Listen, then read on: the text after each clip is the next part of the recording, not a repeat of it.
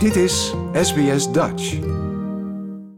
Wat heeft nou deze zin You Dutchmen simply don't know how to play football te maken met de Ringwood City, eh, Michael?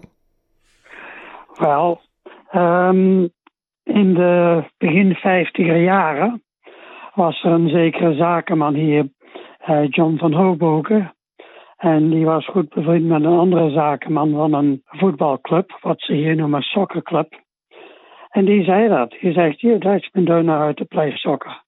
En dat was juist iets wat uh, uh, John van Hoboken ja, irriteerde. Hij zegt, nou, dat, uh, hij zegt, dat kan ik wel eens bewijzen. Dus zodoende is hij begonnen, dat was zijn aanleiding, om een club op te richten. Want hij was al gevraagd door verschillende mensen in de Nederlandse gemeenschap om een club op te richten. In de ja, 50 jaren, vooral begin 50 jaren, was er een grote immigratie natuurlijk naar Australië van Nederland. En daaronder waren diverse goede uh, voetballers. En die speelden bij reeds bekende clubs hier in Melbourne. Uh, Molen, Paran, uh, ja, nog een paar andere. En John van Hoboken heeft toen die spelers bij elkaar getrommeld en is daar een club mee begonnen. En dat was in 1953. Ja, en die club die kreeg de hele mooie Nederlandse naam Wilhelmina DSC, wat staat voor Dutch Soccer Club. Want hij dacht, ik zal die businesspartner eens even laten zien dat wij wel kunnen voetballen. Ja, ja. inderdaad. Het heet uh, uh, Wilhelmina, dus genoemd naar de destijds uh, koningin moeder. En die naam, ja, die was heel, heel toepasselijk. En die beviel goed hier in de Nederlandse gemeenschap. En zodoende werd dat inderdaad dus Wilhelmina Dutch Soccer Club. Ja, en daar kwamen alleen maar Nederlanders? Vooral Nederlanders. Vooral in het begin. En er waren, uh, ja, ik, kan diverse namen noemen, maar dat zegt de mensen niks. Um, ja, het waren dus veelal Nederlandse spelers er kwamen ook wel Engelse spelers bij. En dat werd geleidelijk aan werd het steeds meer. En aan de hand ja, werd het helemaal uh, allerlei nationaliteiten natuurlijk, om gewoon de beste spelers bij elkaar te trommelen. Maar lange tijd waren de spelers van Nederlandse afkomst die de basis vormden voor de Wilhelmina Club. Ja, en we gaan dan eigenlijk terug naar 1953, hè? 70 jaar geleden inmiddels. Ja.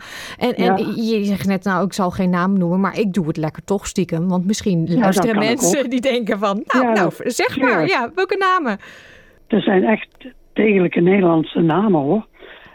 Westerveld, Petersen, Luiten, Matthijssen, De Bruikere, Jansen, noem maar op. Ja, ja, zijn, Nederlandse kan het soms niet, hè? Nee. nee. Ja, en, Die, en die mannen, die deden het eigenlijk hartstikke goed. Want binnen no time, binnen een paar jaar, waren die opgeklommen van een lagere divisie helemaal naar de eerste divisie. Ja, in 1953 um, waren ze nog in de vierde divisie.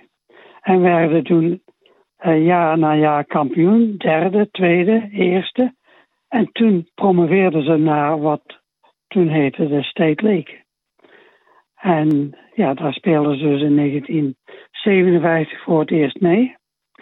En daar werd Wilhelmina uh, respectabel, geloof ik, vijfde plaats. Ik weet het niet zeker. En het jaar daarop werden ze kampioen van de eredivisie van, zeg maar, vergelijkbaar. In 1958 werd Wilhelmina kampioen van de hoogste afdeling.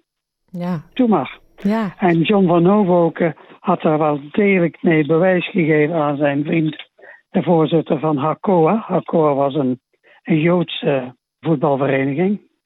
Want veel van die andere clubs hadden ook allemaal etnische namen. Hè? Dat mochten we nog. Ja, want dat was natuurlijk ook een van mijn volgende vragen. Waarom heet Wilhelmina niet meer Wilhelmina en is het nu Ringwood City? Ja, um, in, in die beginjaren hadden de diverse etnische uh, verenigingen hadden hun, etnische namen, zoals Italianen waren Juventus, uh, Malta was George Cross, Slavië was Joegoslavië. Uh, Polonië was Polen natuurlijk. En zo aan. En Wilhelmina was dus de um, Nederlandse club. Nou, in de 60 70 jaren was er nogal wat uh, wrijving in de diverse gemeenschappen. En, het overkoepelende orgaan, voetbalfederatie, die vond het niet goed dat er um, ja, telkens uh, narigheid was. Waarbij wedstrijden eventueel ook polities bij moesten zijn. En toen werd besloten om die etnische namen te laten varen. En toen werden de clubs gevraagd, of eigenlijk uh, opgedragen, om hun naam te veranderen.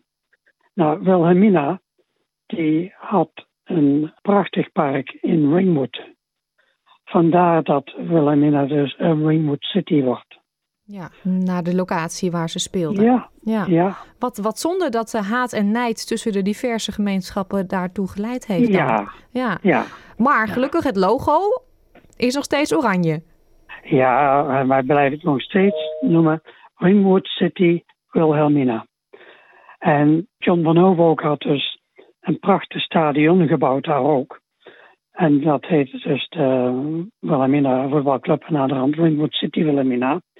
Toen werd een jaar of tien geleden werd dat helemaal tegen de grond gegooid en met medewerking van de plaatselijke gemeente werd er een nieuwe stadion gebouwd.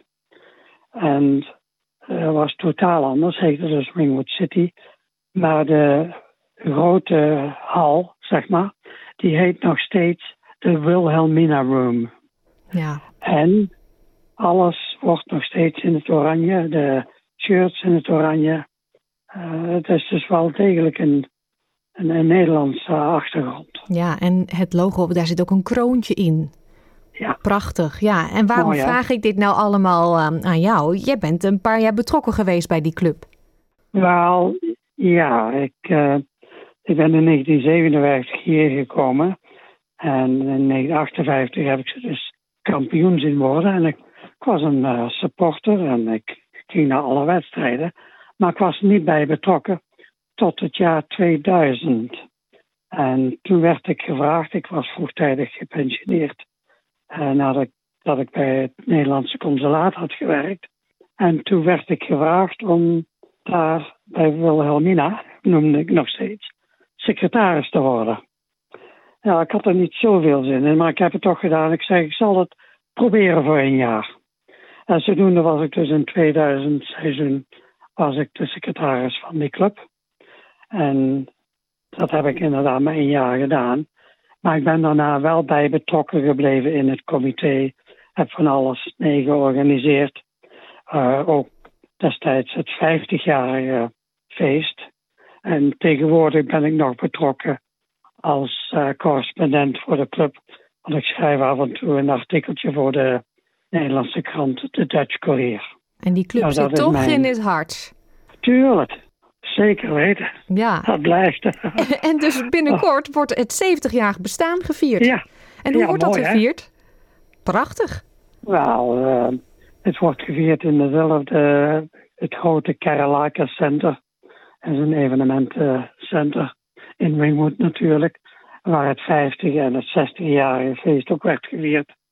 Hele grote locatie en ja, men verwacht daar een 150 mensen te krijgen om dat 70-jarige feest te vieren. Ja. En mensen kunnen zich aanmelden hè, voor dat speciale diner samen. Ja, Er zijn nog plekken. Ik zet een link daar naartoe op onze eigen website www.sbs.com.au.